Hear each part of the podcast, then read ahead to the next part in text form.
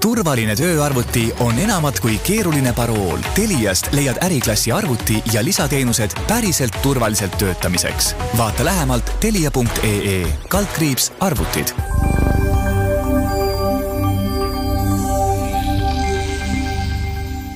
tere kuulamast podcasti Tark investor, mina olen Kaspar Viira ja täna on minuga stuudios tarkvarainsener Taavi Ilves ja fotograaf Jake Varra, tere! tervist! Tere, tere!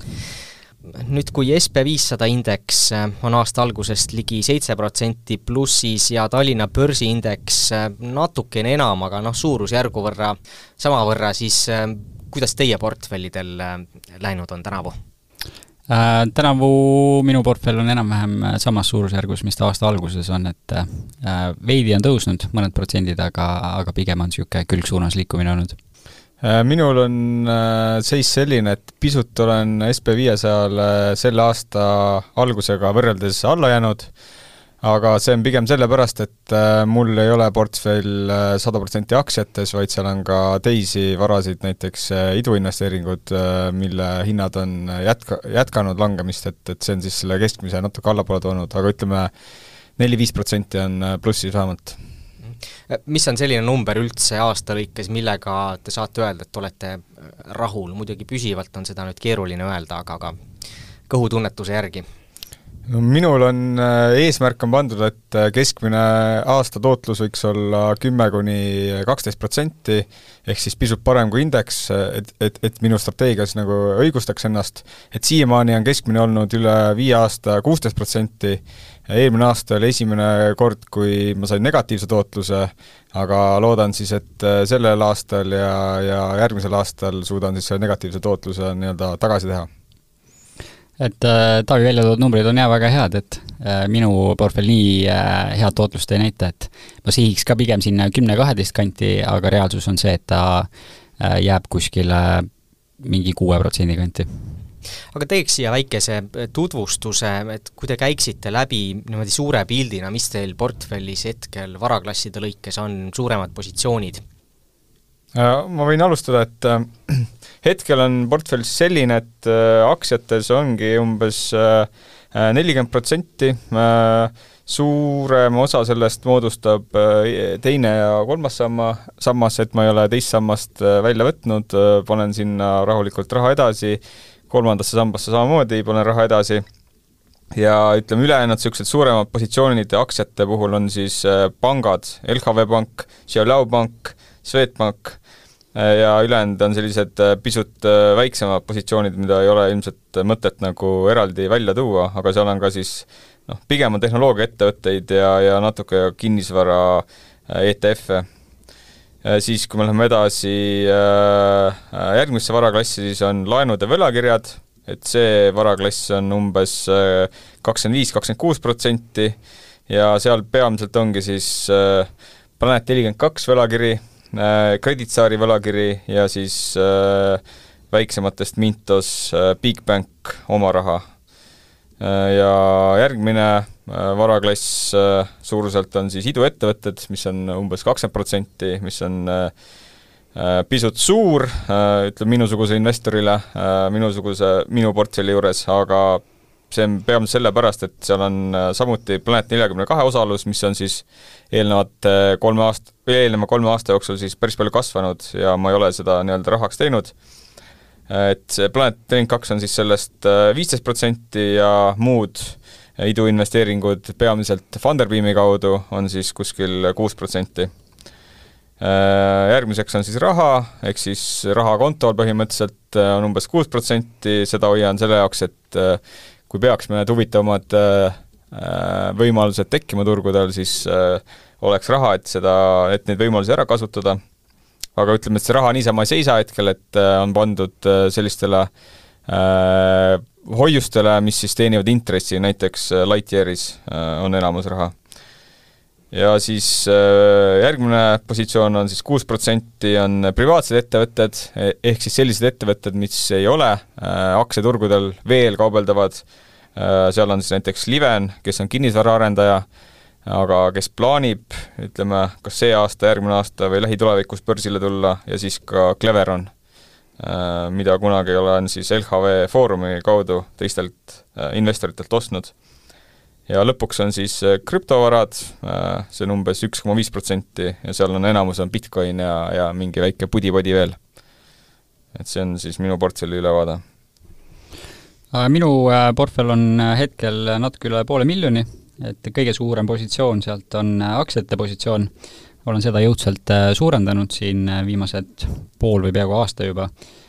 See aktsia osakaal siis jaguneb kaheks, et pool on Interactive Brokersis ja pool on Balti börsil. Ja suuruselt teine kõige suurem positsioon on nii, nagu ka Taavil, Planet neljakümne kahes, et olen andnud neile nii otselaenu kui ka olen osanik see moodustab ka peaaegu portfellis siis äh, nagu aktsiatki circa kolmkümmend protsenti. ja kõik teised positsioonid sealt äh, lähevad juba veidi nagu väiksemaks, et suurematest võiks veel välja tuua võlakirjapositsioonid, et on Credit Starile antud võlainvesteeringuid tehtud siis võlakirja näol ja kuskil alla kümne protsendi on mul jäänud kinnisvara alles, äh, algselt kui ma alustasin, siis mu kinnisvara osakaal oli väga suur osa portfellist, aga olen selle nüüd äh, kõrgema Euribori äh, raames enamus, enamuses likvideerinud ja hetkel kinnisvara investeeringuid juurde ei tee. ja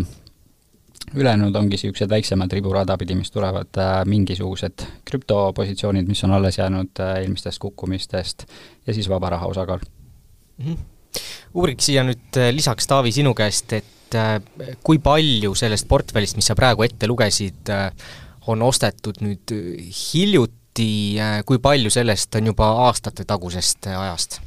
äh,? Jah, ma arvan, et see aasta ma väga palju ei ole juurde ostnud, aga ütleme, mis ma see aasta olen teinud, olen pisut suurendanud äh, pankade osakaalu, näiteks just enne tulemusi ostsin äh, LHV-d, Xiaolao äh, panka, äh, pärast Swedbanki dividende ostsin dividendide eest Swedbanki pisut juurde. Ja, ja tegelikult mis ma see aasta võib-olla kõige rohkem olen teinud, olengi panustanud tehnoloogiasektorisse läbi ETF-i siis, mille nimeks on TQQ, mis on tegelikult siis Äh, kolmekordse võimendusega äh, Nasdaq saja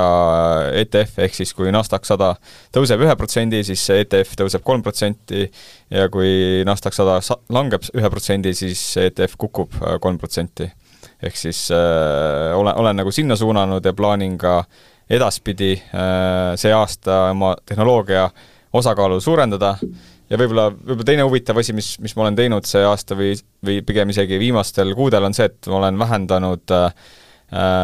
kinnisvara äh, ETF-ide osakaalu just Balti riikides äh,, müüsin maha Efteni äh,, Efteni United Property Fundsi ja Efteni äh, ak-, aktsia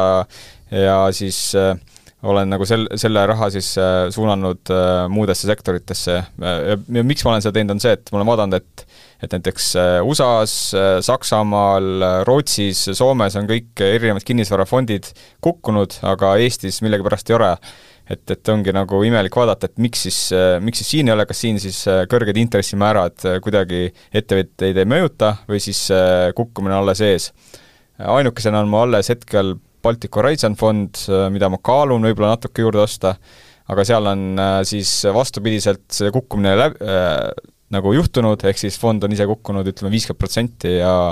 ja nüüd ongi huvitav näha, et äh, mis sellest saab, et võib-olla on see hea teenimisviis, võib-olla on äh, loll otsus, aga see on ainukene, ütleme, kinnisvara, mis mul on. või kinnisvaraga seotud asi, mis mul on äh, Balti regioonis.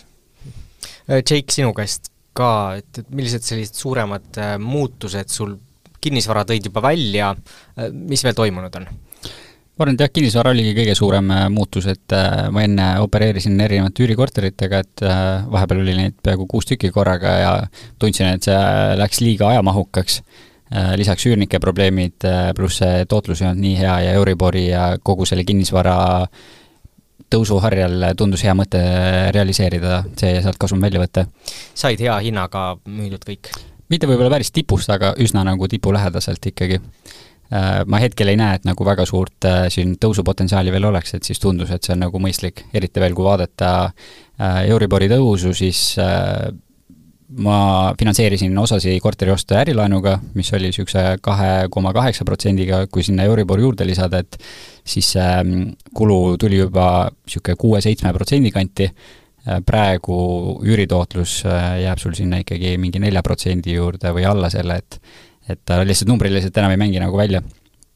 aga see on nagu põhiline kinnisvara osas äh, ja teine osa on siis äh, aktsiate osa, et olen jõudsalt erinevaid äh, kasvuaktsiaid ostnud ja dividendiaktsiaid ja tunnen, et sealt saab nagu enam-vähem sama tootlust, mis korteritega sai, aga sul on palju vähem probleeme ja peavalusid mm. -hmm. kinnisvara osas, kas sa nüüd äh, Äh, näedki, et tulevikus ka sinust äh, üürikorterit omanikku äh, väga ei saagi enam või kui hakkab Excel uuesti välja mängima, siis ma arvan, kui, kui Excel hakkab äh, numbreid kokku lööma, et siis, siis on võimalik, et ma läheks sinna tagasi, et iseenesest see oli põnev, see oli nagu niisugune äge kogemus, aga, aga mingi hetk lihtsalt neid kasvas liiga palju, et võib-olla mõistlik oleks siis leida mingisugune assistent või keegi, kes võtab selle haldamise rohkem enda peale, kui et ise seda enda põhitöö kõrvalt teha mm. -hmm viimasel paaril aastal inflatsioon on päris jõudsalt kerkinud, Euribor on meil ka siit läbi käinud, kas see niisugune suur süsteemne muutus on teile ka nüüd tähendanud, et te mingisuguseid investeerimise põhimõtteid enda jaoks olete kardinaalselt ümber mõtestanud, vahepeal suurte varahaldurite käest küsides, kui noh, aastaid ei öelnud keegi, et vot võlakirjad on see klass, kus praegu olla, siis vahepeal see kerkis see eriti jõudsalt esile. Ähm, kas teil on ka midagi laadset olnud? jah, et ma enne unustasingi öelda, et, et ma tegelikult see aasta olen pisut ka võlakirja või võlakirjade osakaalu suurendanud, et äh, näiteks Bigbanki võlakirja otsin äh, nende viimase pakkumise ajal ja siis äh, tegelikult olen ka Mintosesse uuesti raha tagasi viinud, et ma sealt võtsin viimased kaks aastat pidevalt raha välja, aga nüüd tegin natukene seal taustauuringuid erinevate äh, pakkujate osas ja otsustasin ka pisut, pisut raha siis sinna suunata, kuna seal on, ütleme, likviidsus ka suurem, kui vaja, siis saab raha kätte. aga ütleme, fundamentaalselt, mis mina olen võib-olla rohkem teinud, olengi rohkem vaadanud ettevõtete äh, aruandeid, et va-, et üritanud aru saada, et kelle, keda siis ütleme, kõrgem äh, laenukoormus võiks mõjutada, et üks risk, mida ongi siin välja toodud, on see, et lähiajal Äh, just USA-s äh, on palju ettevõtteid, kes äh, järgmine aasta või ülejärgmine aasta peavad väga suures koguses oma laene refinantseerima ja seda palju kõrgematelt tasemetelt, ehk siis võib juhtuda seda, see, et need ettevõtted, kelle kasumimarginaalid ei ole väga head, on varem, varem siis tänu madalatele intressidele saanud hakkama ja see, seepärast olnud nagu turul hästi hinnastatud, aga nüüd võivad sattuda nagu hätta ja minna pankrotti, ehk siis ma pigem vaatangi neid suhtarve palju täpsemalt kui varem, et varem kuidagi läksin selle vooluga kaasa, vaatasin, et aktsiahinnad tõusevad, on ju, et ei pööranud äh, fundamentaalanalüüsile nii palju tähelepanu, aga just, just praegu olen ma sellele hakanud rohkem tähelepanu pöörama. ja, ja teine osa ongi see, mis ma enne ütlesin, et, et ma olen nagu finantssektorisse vaadanud, siis hetkel ütleme, tänu, tänu Euribori tõusule finantsettevõtted äh, nii-öelda nende kasumid suurenevad, aga siin on siis see risk, et äh, kui see majanduslangus tõesti tulebki äh, sügav, siis hakkab ka nei-, nende kasumit sööma siis inimeste äh,, inimeste nagu punaseks läinud laenud, on ju, et, et inimesed ei maksa enam laene tagasi. et aga ma loodan, et, et me ei jõua si-, nii kaugele või kui jõuame, siis mõju ei ole nii suur kui eelnevate kriiside ajal. võlakirjade kohta küsin seda, et mis see intressitase on, mis sa enda jaoks vaatad, et jah, ütleme, Bigbanki võlakiri vist oli, kas ta oli kaheksa või kümme protsenti, on ju, et, et äh, seal, seal ma nagu olin pisut äh, nõus, ütleme, madalama tootlusega, kuna, kuna need võlakirjad on turul kaubeldavad, ehk siis äh, hetkel on need võlakirjad alati kaubelnud ütleme, nominaalväärtuses kõrgemal, ehk siis alati on võimalus, võimalus saada nendest võlakirjadest lahti, ilma et sa peaksid kahjumit vastu võtma, aga ütleme, selliste riskantsemate ettevõtete puhul Äh, mu noh, ütleme, siis ma ei tea, Credit Star, äh, Credit Stari sugused äh, ettevõtted, kes ei ole pangad, on ju, et nende puhul kindlasti tahaks näha intressi praegu viisteist, kuusteist protsenti aastas, on ju, et alla selle ei tahaks riski võtta, et Credit Star, Credit Star on ka välja tuua, siis nende puhul oligi, et nad see aasta või siis eelmine aasta lõpp refinantseerisid oma portfelli ja nad üritasid üritasid siis vana intressiga investoreid meelitada, aga juhtuski see, et investorid ei andnud piisavalt palju raha ja siis nad väga napilt said oma soovitud koguse kätte, et nüüd suve alguses ongi huvitav näha, et mis intressiga nüüd uuesti välja tulevad, et et jah, pigem, pigem praegu tuleks võtta kõrgemat intressi, kuna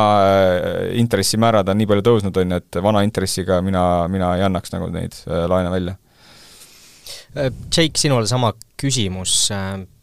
selline suur tsükliline muutus, mis äh, turgudel majanduses toimunud on, et mida see,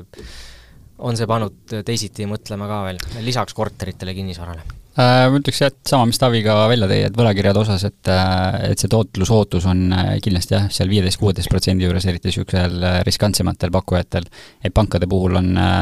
võib-olla võimalik natukene madalamalt seda mm, sisse võtta, aga võib-olla nagu investeerimismaailmas nii palju rohkem ei ole seda tunnetanud kui just reaalmaailmas, et mu enda näiteks äh, stuudio või äripinna äh, näiteks rendileping oli äh, tarbijahinnaindeksiga seotud, mis tõusis kakskümmend protsenti ja mu üür läks kohe kakskümmend protsenti kõrgemaks, et et niisugused asjad on tunnetuslikult olnud, mida ma olen ise siis tundnud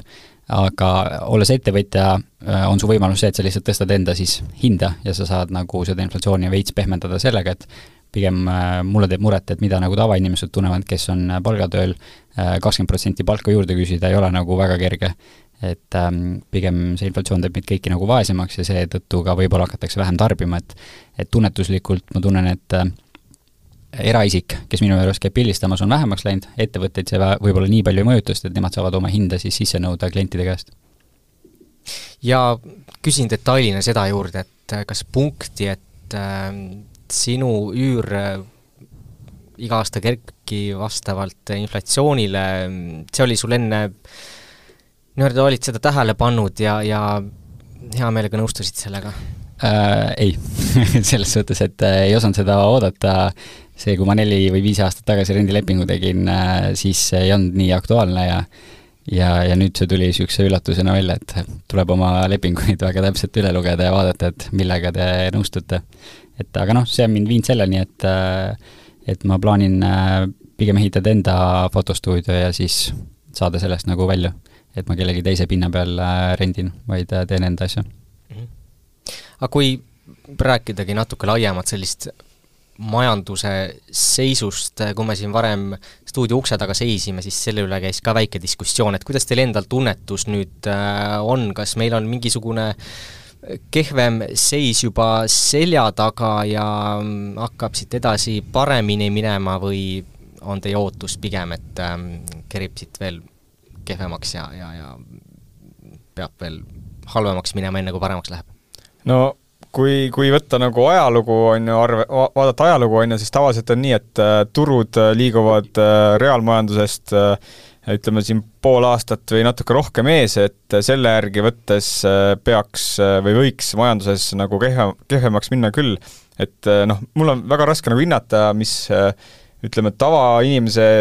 puhul nagu toimub, kuna ma ise olen sellises, elan pigem sellises mullis, on ju, et äh, suhtlen teiste investoritega, äh, loen äh, sellist äri, äriteemalist ajakirjandust, on ju, et siis seal nagu ei paista nagu noh, välja seda, et, et asi nagu väga kehv on, aga samas, samas kui kuulata nagu jutte, on ju, et siis ütleme, tavainimesel on ikkagi päris keeruline, Eesti riigil on keeruline, on ju, et oma, oma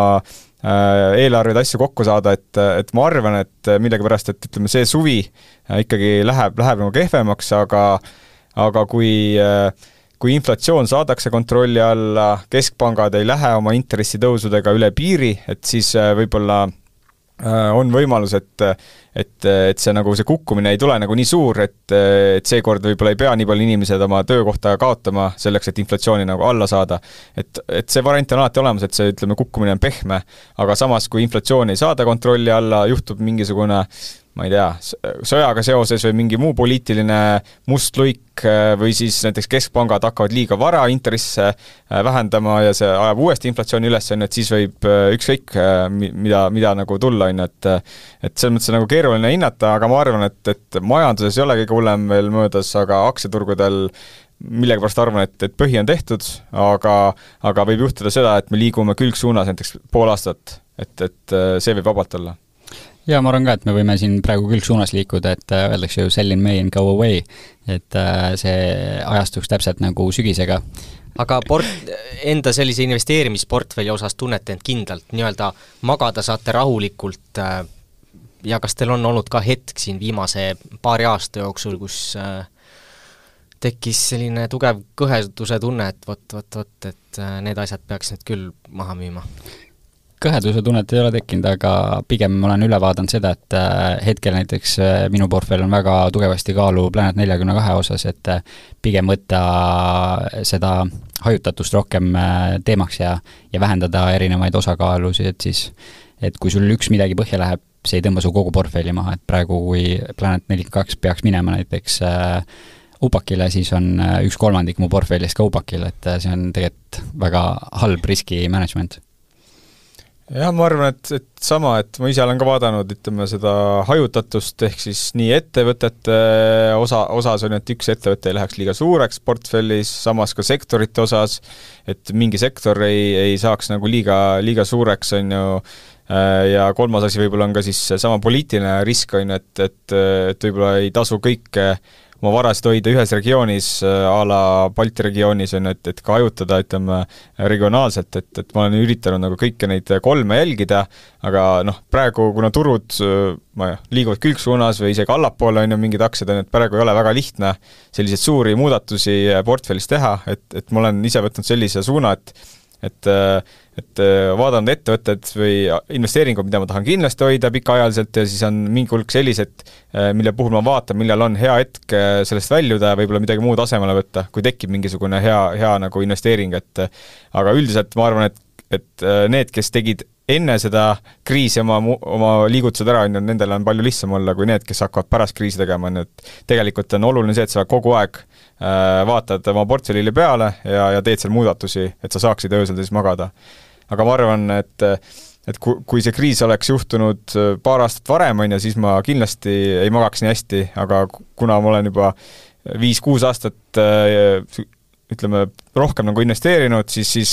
minu jaoks on see, ütleme, nahk on paksa, kasvanud nii paksuks, et, et mind need paar protsenti siia-sinna li-, liikumised ei morjenda ja kui me vaatame kaks aastat tagasi või kolm aastat tagasi, kui kiiresti siis kõik kasvas, on ju, et siis on normaalne, et äh, on üks või kaks aastat, kus siis natuke sellest kasvust sa annad tagasi. et tulebki vaadata äh, viie-kuue aasta keskmist tootlust, mitte ühe aasta oma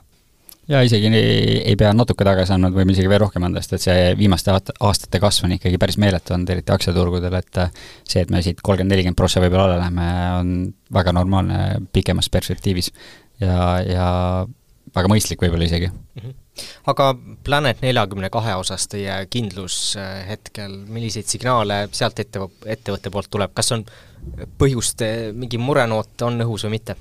Hetkel ei tunne küll, et oleks mingit muremat, et pigem tundub, et läheb kõik hästi ja pigem oleks neil raha juurde vaja, nii et kes tahab, saab neile ka raha sisse anda.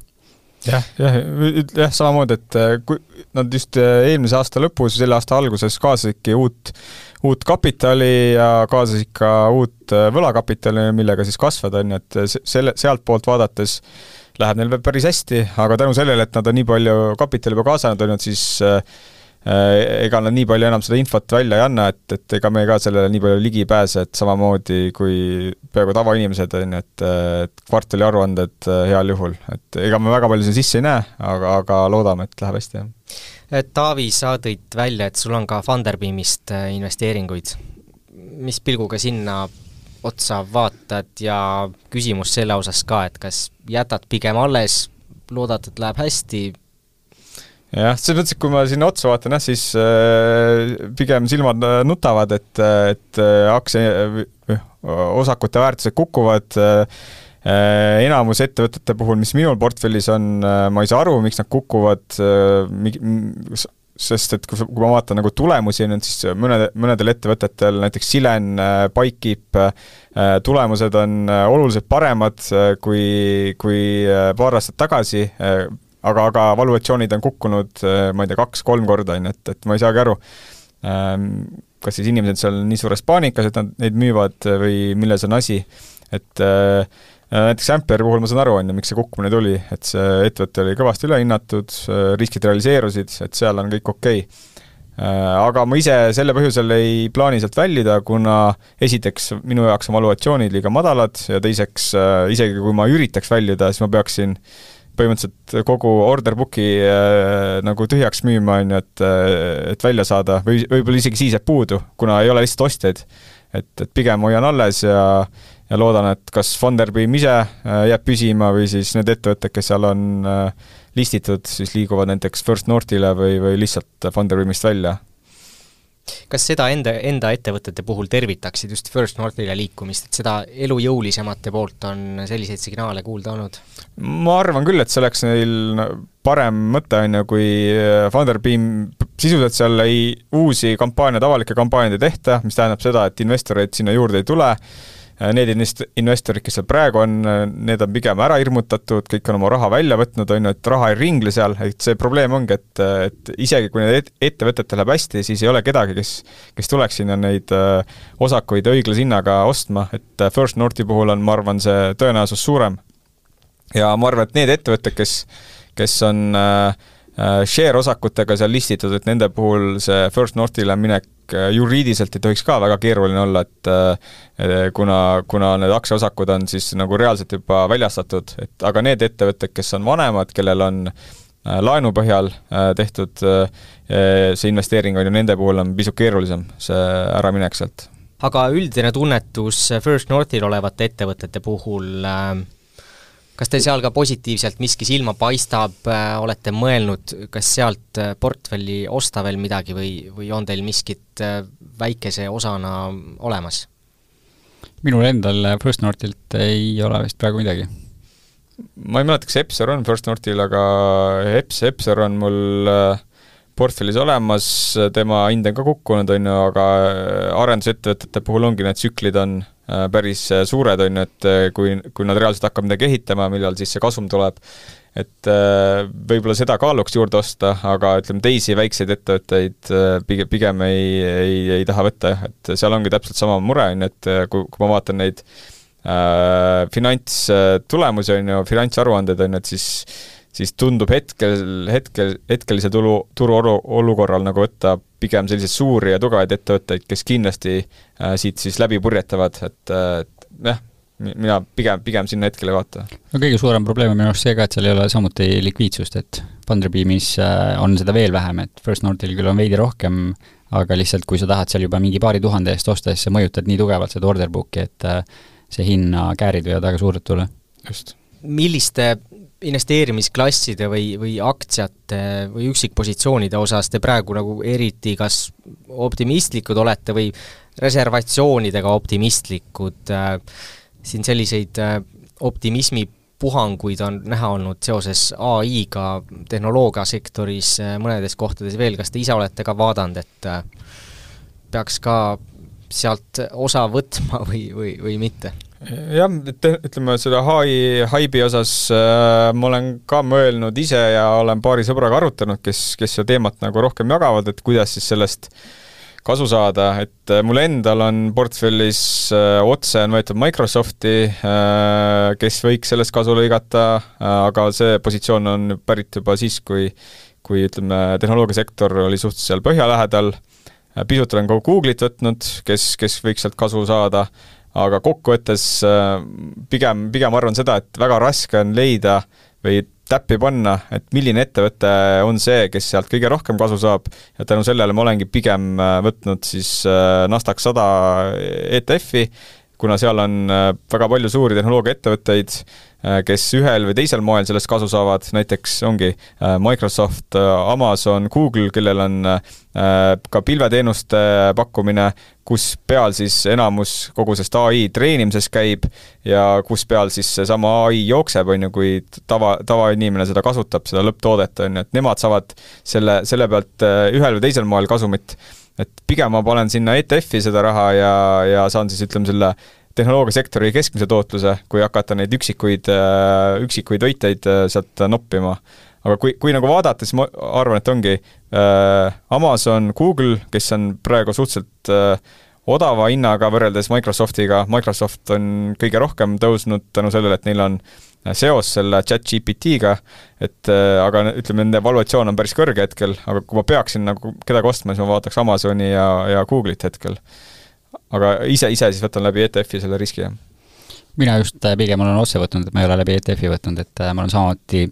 Amazoni, Google'it, äh, Microsofti, Adobe't võtnud, et äh, eraldi niimoodi ei ole ostma läinud, et nüüd ai tuli teemaks ja lähen võtan, et need on ka pigem juba eelnevalt äh, siin tehnoloogiasektori põhjadest juurde võetud, aga usun, et nad kõik on head nagu ettevõtted ja võidavad sellest ja ja lisaks siis ai-le ma arvan, et samamoodi pangandussektor on, mitte võib-olla USA pangandussektor, aga vähemalt Eesti pangandussektor on päris head tõusu juba teinud, et olen sellest osa võtnud ja ja püüan vähemalt nii kaua kaasas sellega sõita, kui peaksid siis esimesed ilmingud tulema, et pankadel raskeks läheb ja siis need aktsiad lihtsalt maha müüma selle ai, ai juurde, kui tagasi veel tulla, et et siin tasub äh, kuulajatel ka silmas pidada, et mis on ai juures kõige olulisem, ongi andmed, on ju, et äh, selleks, et ai-d treenida, sul on vaja andmeid, aga kellel on andmed, on äh, suured ettevõtted, ongi Google, Amazon, Facebook,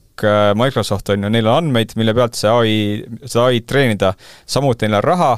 et kui keegi, mõni väiksem ettevõte peaks mingisuguse äh, läbimurde tegema, on ju, siis alati on äh, see variant, et mõni suur ostab neid üle, ehk siis võtab selle toote nagu enda alla. Ja, ja pluss siis neil on seesama pilve, pilveteenuse pakkumine, on ju, et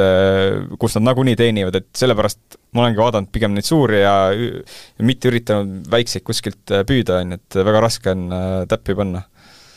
krüptode poole, mm, kuidas te selle osas vaatate, et äh, Bitcoin on ka liikunud justkui nii-öelda võimendusega teiste riskivarade suhtes, aga, aga noh, kohati ka niimoodi külgsuunas, et mina, ma olin väga krüptousku siin aasta tagasi niimoodi proovisin erinevaid äh, detsentraliseerituid äh, exchange'e, DeFi'd, asju, aga peale seda, kui ma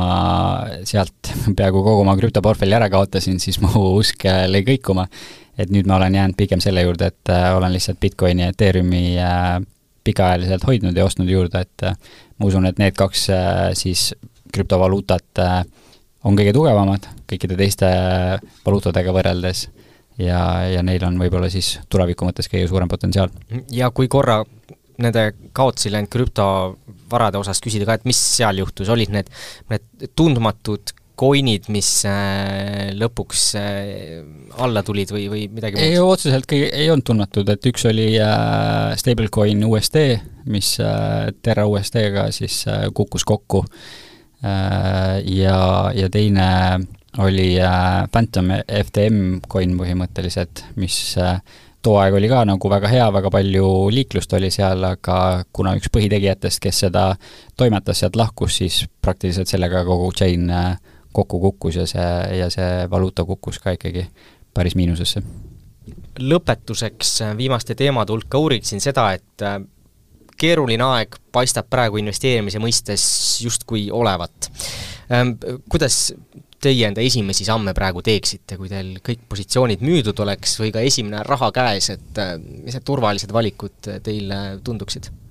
no minu hinnangul ütleme, alustajal ei ole üldse keeruline, kuna täna on hinnad äh, palju soodsamad, kui, kui need olid äh, aasta või, või po-, või poolteist aastat tagasi, on ju, et väga lihtne lihtsalt hakka pihta, on ju, aga kui ma alustaks, siis pigem ma üksikaktsiaid ei, ei näpiks nii palju. Äh, pigem lähekski SB500, näiteks ETF, NASDAQ sada või siis ongi mingisugune laiapõhjaline ETF, mis siis hõlmab äh, rohkemaid äh, riike üle maailma, et pi-, pigem nagu suunaks sinnapoole ja, ja hajutaks neid oste ajas, on ju, et ei paneks kogu raha ühe korraga turule, vaid näiteks jagaks selle kas selle aasta, selle aasta peale laiali või siis äh, järgneva nelja-viie, kuue, kuue kuu jooksul nagu laiali, et ostaks iga kuu mingisuguse hulga, et äh, pigem läheneks, ütleme, ajas hajutatult sinna ja, ja, ja võtaks nagu äh, lai-, laiemalt laiemat nagu turu, tururiski, mitte üksikaktsiate riski, et et e, e, aga ütleme, tänase teadmise pealt kui mul on tänased teadmised olemas, siis ma võib-olla hajutaks lisaks aktsiatele ka sinna võlakirjadesse, et saada siis ka mingisugust rahavoogu sinna juurde, et äh, et millega siis äh, saab opereerida jooksvalt, et kui tekib mingi, mingisuguseid huvitavaid võimalusi ja hoiakski, ütleme, võib-olla viiskümmend, viiskümmend selle portfelli et viiskümmend protsenti võlakirjad, viiskümmend protsenti aktsiad. Ma arvan ka samuti, et praegu on väga hea aeg alustamiseks, sellepärast et turud on pigem alla tulnud ja, ja on mõistlik aeg nagu oma esimeste ostude tegemiseks, et äh, kes siin Eestis esimesena alustab, siis äh, mina soovitaks äh, Balti börsilt alustada, teha endale Balti börsi ETF, et otseselt Balti börsi ETF ei ole, aga, aga sa saad seda ise teha, et sa ostad endale erinevaid dividendimakseid või siis ka kui sul on mingisuguse noh, väga kasvuaktsiaid meil otseselt ei ole, pigem mulle tundub, on kas niisugused stabiilsed või siis dividendi maksvad aktsiad, et sa võtadki igast ühest mingi väikse jupi ja paned endale niisuguse, ma ei tea, kümme-viisteist äh, erinevat äh, ettevõtet kokku ja siis äh, igakuuselt ostad neid lihtsalt juurde, et et me just vennale, mul vend hakkas ka investeerimisega tegelema, et siis just temale tegime niimoodi konto, ostame talle jupikaupa erinevaid äh, Balti börsi aktsiaid juurde ja sa saad selle maitse suhu, sa saad võib-olla alguses mingi mõned sendid, on ju, dividende või asju, aga, aga vähemalt see sütitab sind. et äh, ma näen tema pilgust, kuidas äh, tal see mingisugune pirn on põlema läinud, et see on äge, enne seda ta ei olnud investeerimisega üldse nagu huvitatud või seotud, et nüüd see, kus ta reaalselt käe nii-öelda märjaks on teinud, on äh, pannud teda kaasa mõtlema, lugema ja mõtlema selle peale, et et sa alustadki võib-olla alguses erinevate aktsiate ostudega, siis võtad võib-olla mõned äh, võlakirjad juurde ja, ja noh, oleneb väga palju, mis su portfell on, et et äh, kui me räägimegi niisugusest paarist tuhandest, kümnest tuhandest, et siis ma arvan, et see on nagu väga mõistlik, kui su portfell on juba mingi paarisaja tuhande ringis, et siis võib-olla oleks mõistlikum natuke rohkem hajutada, võib-olla siis mingi osaga minna näiteks USA börsile, võtta sealt erinevaid kas siis ETF-e või üksikaktsiaid ja, ja siis sealt vaikselt nagu minna edasi. teises sambas oli teil mõlemal, maksed liikusid sinna edasi, jah, mis te sealt endale valinud äh, olete? Mul, mul on mõlemad, teine ja kolmas sammas on äh, ind-, indeks, äh, indekspensionifondid, et äh, laiapõhjaline. mul samamoodi tulevas indeksis, et tiksub lihtsalt vaikselt sealt edasi. nii, aga lõpetuseks, te vist mõlemad pigem olite selle poolt, et turu põhjad on äkki selja taga juba, jah? Ma arvan küll, et kui, isegi kui ei ole, siis, äh, siis ma arvan, et eelmisest või ütleme, eelmise sügise põhjast äh, allapoole ei minda kui isegi minnakse lähedale, siis turg ostab selle kiiresti üles, et, et ma ei näe, ma ei näe nagu põhjust, miks sa peaks sealt alla minema, kui just ei tule jah, mingisugune must luik, on ju, et äh, midagi, mida turg ei oska ette näha jaa, aga väga raske on seda põhja nagu tabada, et pigem lihtsalt osta igakuiselt juurde ja Just. siis kas ta läheb üles või läheb alla, et vahet ei ole, et sa lihtsalt liigud selle turuga kaasa, saad oma keskmist nagu hind, äh, keskmistada oma hinda ja ja oled sõiduvees. Taavi Ilves ja Jake Varra, aitäh saatesse tulemast! aitäh! ja kõigile kuulajatele edukaid investeeringuid, mina olin Kaspar Viira turvaline tööarvuti on enamat kui keeruline parool. Teliast leiad äriklassi arvuti ja lisateenused päriselt turvaliselt töötamiseks. vaata lähemalt telia.ee kaldkriips arvutid